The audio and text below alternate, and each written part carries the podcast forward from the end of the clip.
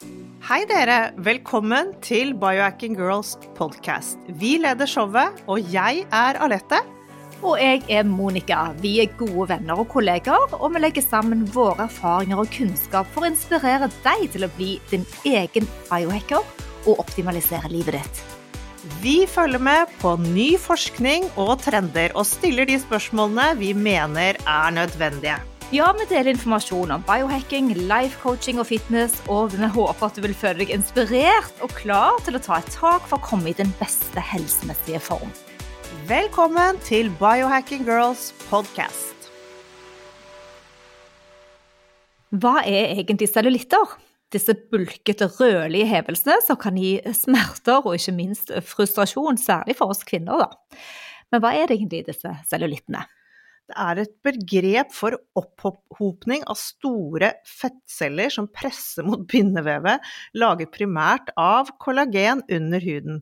Siden dette vevet ikke er særlig fleksibelt, når fettcellene under utvider seg, vil de skyve utover mot huden og forårsake disse uregelmessighetene som vi har sett. Det kan dukke opp på lårene, det kan dukke opp på rumpa, og på maven, og noen ganger på underarmene. Og dette er dessverre noe som særlig rammer kvinner. Ja, så har vi da kanskje brukt og investert eh, masse penger i kostbare kremer som lover det ene og det andre glatt ut. Du har kanskje testet en muskelstimulerende behandling. Ja, med sånne body wraps hvor du ligger i Gladpack og skal svette ut eh, fett. Lyspulsering, kanskje du har prøvd bindevevsmassasje, men har det hjulpet? Hm, vi vet ikke helt, men det er iallfall billigere å tenke litt annerledes. Ja, så i dag i denne miniepisoden så har vi veldig lyst til å snakke litt om cellulitter. Hvorfor de oppstår, og vi vil dele noen kule hacks, bare vent, hold dere fast, som kan få bukt på dette problemet. Man må bare starte et helt annet sted. Vet du hva, Monica, jeg tror jeg har prøvd hver eneste sånn cellulittkrem i, i oppover i årene. Ja, jeg har iallfall prøvd å ligge og svette i Gladpack, for det, det var det et tips fra en uh, sånn modell i USA som holdt. Jeg, husker, jeg husker den trenden der, ja. Nei, takk skal du ha. Ok, Velkommen til denne miniepisoden fra Biohacking Girls podcast.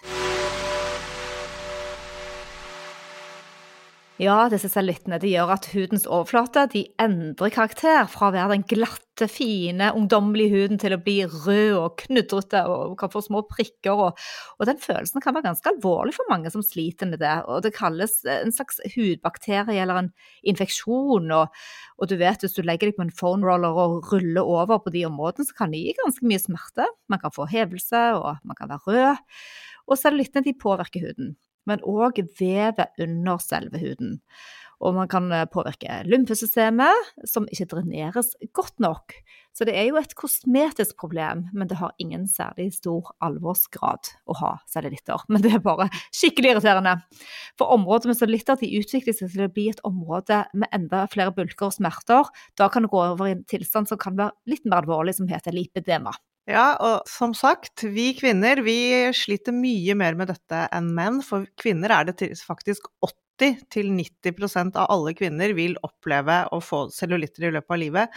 Mens menn, de slipper unna. Der er det bare 10% Også gener spiller en rolle her, hva, hva vi arver. Og så er det jo dette med kjønn, som sagt. Og så alder og porsjon av kroppsfett som vi sitter med. Hudens tykkelse og kosthold har en stor betydning. Opplever man perioder der man legger på seg, f.eks. i menopause eller når man er gravid, så det, kan det da oppstå mer cellulitter. Men slanke mennesker kan også oppleve å få cellulitter. Ja, Da vi gjorde research på denne podkasten, så leser jeg litt om Dave Asprey, og han opplevde jo faktisk å ha cellulitter i ungdomsårene sine når han hadde overvekt. Så det er klart at det er mest kvinner, men det er òg en del menn. Men hva er årsakene, da? Det er jo flere teorier rundt eh, dannelsen av cellulitter. Men det er fibre som forbinder huden din, altså hypodermis, med muskelen under der som strammer seg uregelmessig. Og når huden strekker seg sånn, så trekker det ned på huden, og det normale fettlaget under her skyves oppover. Og resultatet er da bulkete, rynkete utseende på huden. Og når man mangler kollagen, hvis man ikke får nok kollagen, så kan cellittene lettere oppstå og bli mer synlige, fordi det er viktig at blodtilstrømningen er tilstrekkelig. Det er blod som skal strømme inn for å gi disse områdene god sirkulasjon å, som skal brukes energi. Og da blir fettene, hvis du ikke har blodgjennomstrømning, så blir fettene liggende her, og det oksiderer mer. Og da hjelper verken trening eller å spise riktig, for man må få den tilstrømningen av blod til det angrepne området. For fettlagrene kan òg bli oversensitive for insulin, og da vil kroppen ta disse kaloriene som du spiser, til fettcellene i stedet for å flytte de til muskelcellene. Ja, så disse kremene som vi putter utenpå, de kan vi vel bli enige om at de virker jo i hvert fall ikke. Men hormoner, det spiller en rolle. Og særlig i perioder der man har høye nivåer av hormonet østrogen. Dette kan forårsake cellulitter, og derfor er jo kvinner ofte mer plaget av disse ulumskhetene og særlig da i ungdomsårene eller under graviditeter. Og så tenker vi at det er liksom fire stadier av disse cellulittene. Fra det ganske sånn enkle hvor du ikke har noe særlig tegn til det, og så kan du begynne å kjenne at huden er litt myk, og litt med litt sånne små bulker kanskje når du sitter. Og så neste stadie, da blir huden mer bulkete både Du ser det både når du står og når du sitter. Og så når de setter seg skikkelig, disse cellulittene, da er det enda dypere buler og gjerne litt rødhet, uregelmessigheter i huden, både når du sitter og når du står. Så spørsmålet er hvordan man blir kvitt disse da hvis ikke kremer hjelper, eller for, hvordan får man redusert cellulittene? For man tror man skal jobbe fra utsiden, siden det er så mye fokus på dette i skjønnhetsindustrien, der cellulittene finnes, setter på kremer, i stedet for å jobbe med endringer fra innsiden og ut. Så la oss se litt på ulike strategier som vi biohackere syns er verdt å merke seg. Ja, vi får begynne med trening, for det er jo noe som studier viser at dette kan faktisk redusere bulker og ujevnhetene. Treningen øker jo muskelmassen, som igjen gjør at eh, cellulittenes overflate blir mindre under huden. Treningen øker blodgjennomstrømmingen, og det trenger vi for å bidra til fettreduksjon på steder på kroppen. Og det som er fint å gjøre, er jo å løpe, der tenker jeg ristebevegelsene, og en av våre favoritter er jo trampolinehopping, det er kjempebra, men vi må også få med oss styrketrening. Sykling kan være fint hvis man ikke liker å hoppe eller løpe. Og NASA har testet mange avanserte høye vibrasjonstreningsformer med akselerasjonstrening. Vevet vil da bli sterkere og strammere når man trener mot tyngdekraften. Og NASA har i sitt arbeid med å styrke benstruktur og muskler for astronauter da de var ute flere måneder med null tyngdekraft. Så disse vibrasjonsplatene det testet jeg i California. De er effektive. De er òg ganske kostbare, det finnes jo i Norge òg. Men de skal benyttes 30 eh, minutter daglig, og her kan du da enten stå, lese en bok, for du står det ganske kjedelig, du bare står der, eller så kan du skrotte litt eller gjøre litt langs, litt sånn sculpting-øvelser på den eh, vibrasjonsplaten er ganske fin. Men en litt enklere og litt mindre effektiv måte men en favoritt hos oss biohackere, det er jo da trampolinetreningen siden treningen den øker lymfesirkulasjonen og stimulerer benmasse og muskelveksten ved å hoppe. Så vibrasjon øker mengde av lymfevæske vi snakket om sirkulasjon, som bidrar til å flushe ut disse toksinene, og dette vil redusere cellulitter. Men du trenger 15 minutter daglig, så hopp opp på den trampolinen hver dag, for det sies faktisk at de kortere øktene daglig er mer effektive enn lengre økter mer sporadisk. Så ikke tro at 50 minutter på trampolinen er bedre. 15 minutter er forskningen vist å redusere hvis vi skal tenke på fettceller, da. Og vi mener at en trampoline er en superbra investering. Det koster ca. 1000 kroner, og vi anbefaler å bruke en med strikk, som er mer skånsom for ryggen, og ikke fjær. Vi har faktisk en episode på trampolinetrening òg, hvis du er litt mer nysgjerrig på dette. Ja, og så må jeg bare si det er veldig gøy å hoppe på trampoline. Hvis ikke du syns det er gøy, så må det være noe gærent med det. Men vi må over til mat, for det er klart at maten vi spiser har masse å si for cellulittene. For jo mer væske og giftstoffer kroppen din holder på, jo større blir cellene, som igjen gjør at cellulittene blir større og mer fremtredende. Dette er bl.a. en av grunnene til at mat som trigger dette med inflammasjon, og det er det jo veldig mye mat vi spiser som gjør at cellulittene blir verre verre. La oss i hvert fall slå fast at denne ultraprosesserte maten samler seg i organer og i fettceller. Vegetabilske oljer, dette med masse carbs, sukker og det dårlige saltet, det vil bistå i at cellulittene blir produsert. Siden ketomaten er så lav på sukker og toksiner, vil kroppen fortsette å flate ut fettcellene og rydde ut giftstoffer, og dette igjen, dette kan jo dempe cellulittene våre. Nøkkelen er her at vi rett og slett må redusere inflammasjonen. Det er kjempeviktig. Da kan vi jo bare anbefale å lese Maria Borelius bøker. Hun har jo så mange gode kostholdstips på eh, inflammasjons, antiinflammatoriske livsstil og kosthold. Og jeg husker da jeg bodde i Granada på 90-tallet, da fant jeg en smoothiebok, den har jeg ennå, med anticellulitte-smoothies. så nå går vi over til matvarer med inspirasjon fra der. Og matvarer som demper inflammasjon, det er bl.a. Eh, appelsin og sitron og sitrus grapefruit. De er rike på antioksidanter planten lysopene, som kan øke blodsirkulasjonen. De har òg vitamin C, som kan booste kollagenproduksjonen. Det vil vi ha mer av, fordi kollagenet bidrar til å lage bindevev i huden, sener, ligamenter og blodkar. Og sitronene kan hjelpe å flushe ut toksiner fra leveren, så drikk det vannet ditt med masse sitron i. Å, herlig. Enda en grunn til å spise masse sitron. Omega-3, det kommer vi ikke unna. Mat som er rik på omega-3 er kjempebra mot cellulitter, eller du kan ta et tilskudd. Da holder det med en teskje av Biohacking Girls omega-3-oljen. Hvis du ikke har prøvd den, så er den kjempegod. Men hvis du skal spise det gjennom mat, så få med deg den fete fisken, tunfisk, laks, som har store mengder omega-3. Dette fettet vil forbedre væskebalansen i kroppens cellemembran.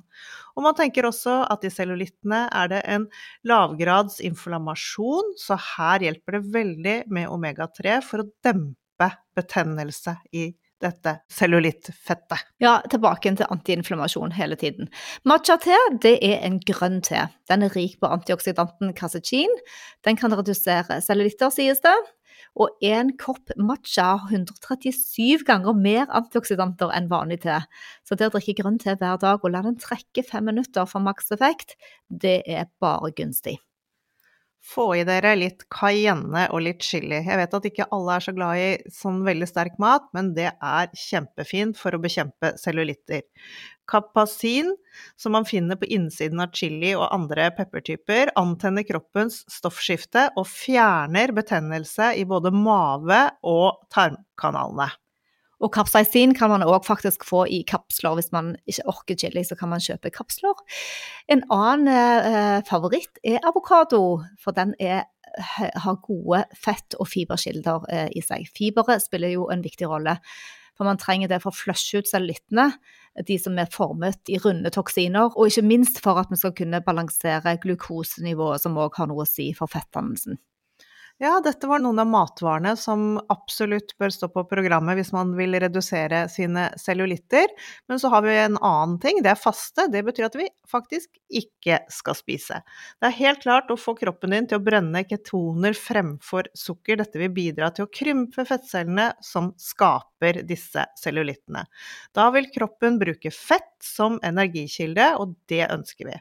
Du kan faste i perioder, som å forlenge den tiden du ikke spiser i løpet av et døgn, eller du kan ha en 48 timers faste, du kan spise ett måltid om dagen, men prøv å variere litt, så ikke du gjør det samme hele tiden. Og husk at du må få i deg nok proteiner i måltidene, slik at du ikke mister muskelmasse. Og et lite hack her er jo det å ta litt fløte eller smør i kaffen for å klare å holde fasten litt lenger om morgenen. Og så kommer vi til et punkt, eh, og vi vet at ikke alle har råd til dette biohacket, men vi må nevne det, for det er så ekstremt god forskning nå på det. Red light therapy. Ja, det er ikke noe alle har hjemme. Vi er så heldige å ha det. Det vil påvirke blodsirkulasjonen og stimulere utslippelsene av fettsyrene fra fettcellene dine. Og det betyr at fettet faktisk kan komme ut fra kroppen. Det er gjort mange studier på at red light therapy kan hjelpe på gjenstridig og vanskelig fett som har satt seg fast. Fordi at når red light når proteinkomplekset inni mitokondriene, så hjelper dette, og det finnes noe som heter kromovore, som absorberer fettet. da. Red light bruker LED-lys så stråler kroppen med røde og nær inn fra røde lysbølger, og denne lysterapien har fettforbrennende effekt. Og den jobber også spesifikt på cellulitter på denne måten, Alette? Ja, den øker cellulær metabolisme og energi ettersom lysfotoner absorberes av mitokondriene. Stimuleres energiproduksjonen i cellene. Dette fører til at celler som er sunnere og mer motstandsdyktige enn de andre. Og red light therapy øker òg produksjonen av kollagen, for det er det røde lyset stimulerer fibroplastproduksjonen, som er forløperen til kollagen. Og dette vil bidra til å tykne huden din, sånn at det underliggende bindevevet blir sterkere, og det vil gjenopprette elastiteten i huden din. Og når huden din da blir mer elastisk og litt tykkere, så vil det underliggende fettet bli mer innesluttet og ha mindre sannsynlighet for å presse utover, så det syns.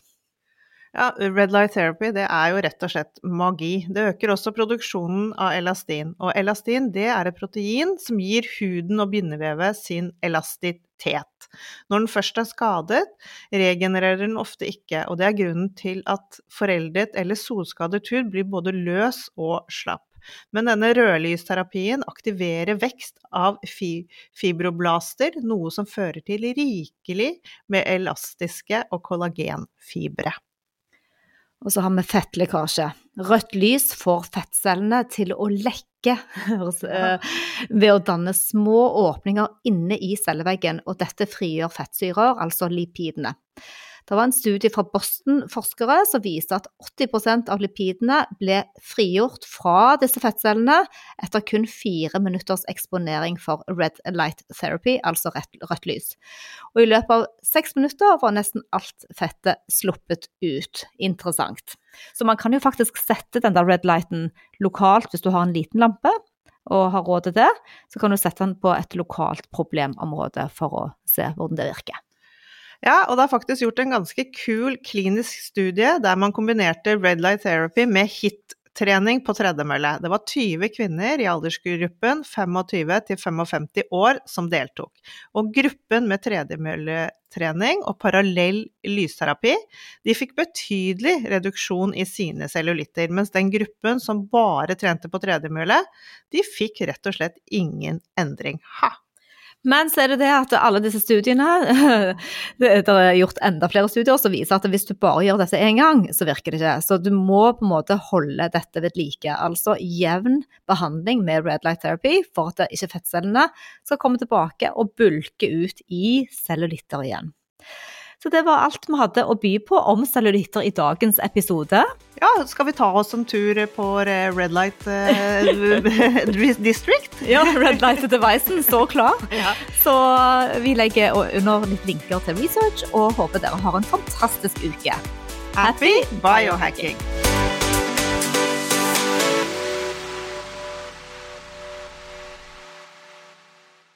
Vi minner om at dere må snakke med egen lege eller kostholdsveileder om dietter og andre spørsmål relatert til medisiner og supplementer. Informasjonen vi deler, kan ikke bli brukt til å diagnostisere, behandle, forebygge eller kurere noen sykdommer eller tilstander.